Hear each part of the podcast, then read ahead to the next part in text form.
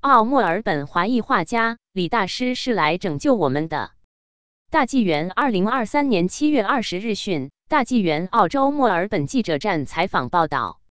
就像李洪志大师说的那样，我们要真正的传播真善忍。华裔画家大卫说：“这是真正的让人能够幸福活下去的东西。”在拜读李洪志大师《为什么会有人类和为什么要救度众生》这两篇文章后，大卫非常震撼。他深深感受到法轮功创始人李洪志大师是来拯救我们的。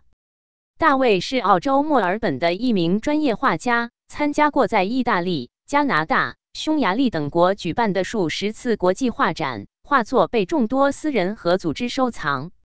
神已再次来到人间。大卫信仰基督教。他说，耶稣在两千多年前走的时候，他说上帝还会再派人到人间来。自从读了李洪志大师的这两篇文章，他感到神已再次来到人间了。他表示，虽然自己在中国大陆长大，从小接受的都是无神论教育，但为什么会有人类这篇文章中提到的创世主，他对此深信不疑。我是相信有创世主存在的。世界上很多大科学家，比如牛顿、爱因斯坦，他们虽然都是自然科学家，但他们都信这个世界是有上帝的。他说，创世主确实存在，有一个无形的东西在支撑着我们。大卫认为，在世间人类道德败坏、灾难降临的时候，一定一定会有创世主来拯救人类，来拯救我们这些人民。创世主创造了世间万物，我们喝的每一滴水、每一个空气微粒都是他创造的。没有他的存在，我们是无法生活的。大卫说：“他说人生下来就是有罪的，但是神不嫌弃，他用他的大恩大德来免去我们的罪恶，然后让我们幸福的生活在这个地方。”大卫表示，人生中是会遇到一些苦难和麻烦的。但我们相信主是会拯救我们的。我们要坚信，就是只要你坚信有主，主就会帮助我们克服所有的困难，克服所有的麻烦，让我们有一个更好的生活。真善忍是幸福的源泉。人生在世，大卫认为真善忍就是我们的普世价值观。就像李洪志大师说的那样，我们要真正的传播我们的真善忍。我听到这三个字，就觉得这是真正的让人能够幸福的活下去的东西。对比西方社会与中共治下国人的生活方式，大卫深感差距巨大。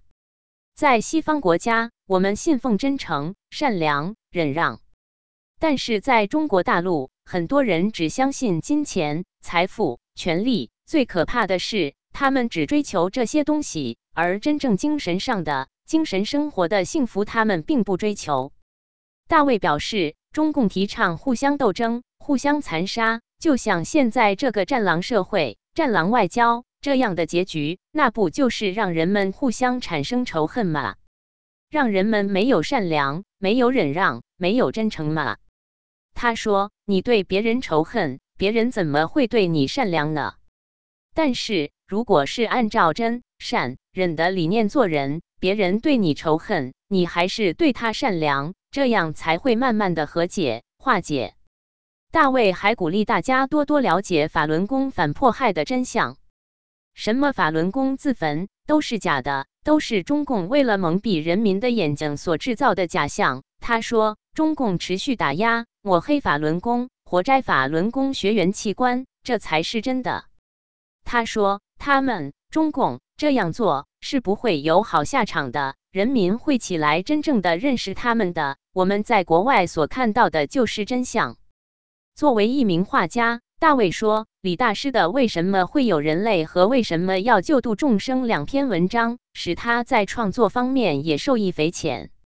他表示自己的画是写实主义的，也就是表现真实的东西。我并不喜欢那些什么印象派呀，什么抽象主义呀。我认为还是要画真的东西，而不是画假的东西。我理解这个真善忍能够打动这么多人，就是因为它是真实的、善良的。大卫表示自己在这样作画的同时，也是在同化真、善、忍这个普世价值观。他说：“我们要传播真正的信息，这个‘真’字是很重要的，让人们知道真相，这样就能够使这个社会越来越好，人类越来越善良，越来越真实。”责任编辑：李欣然。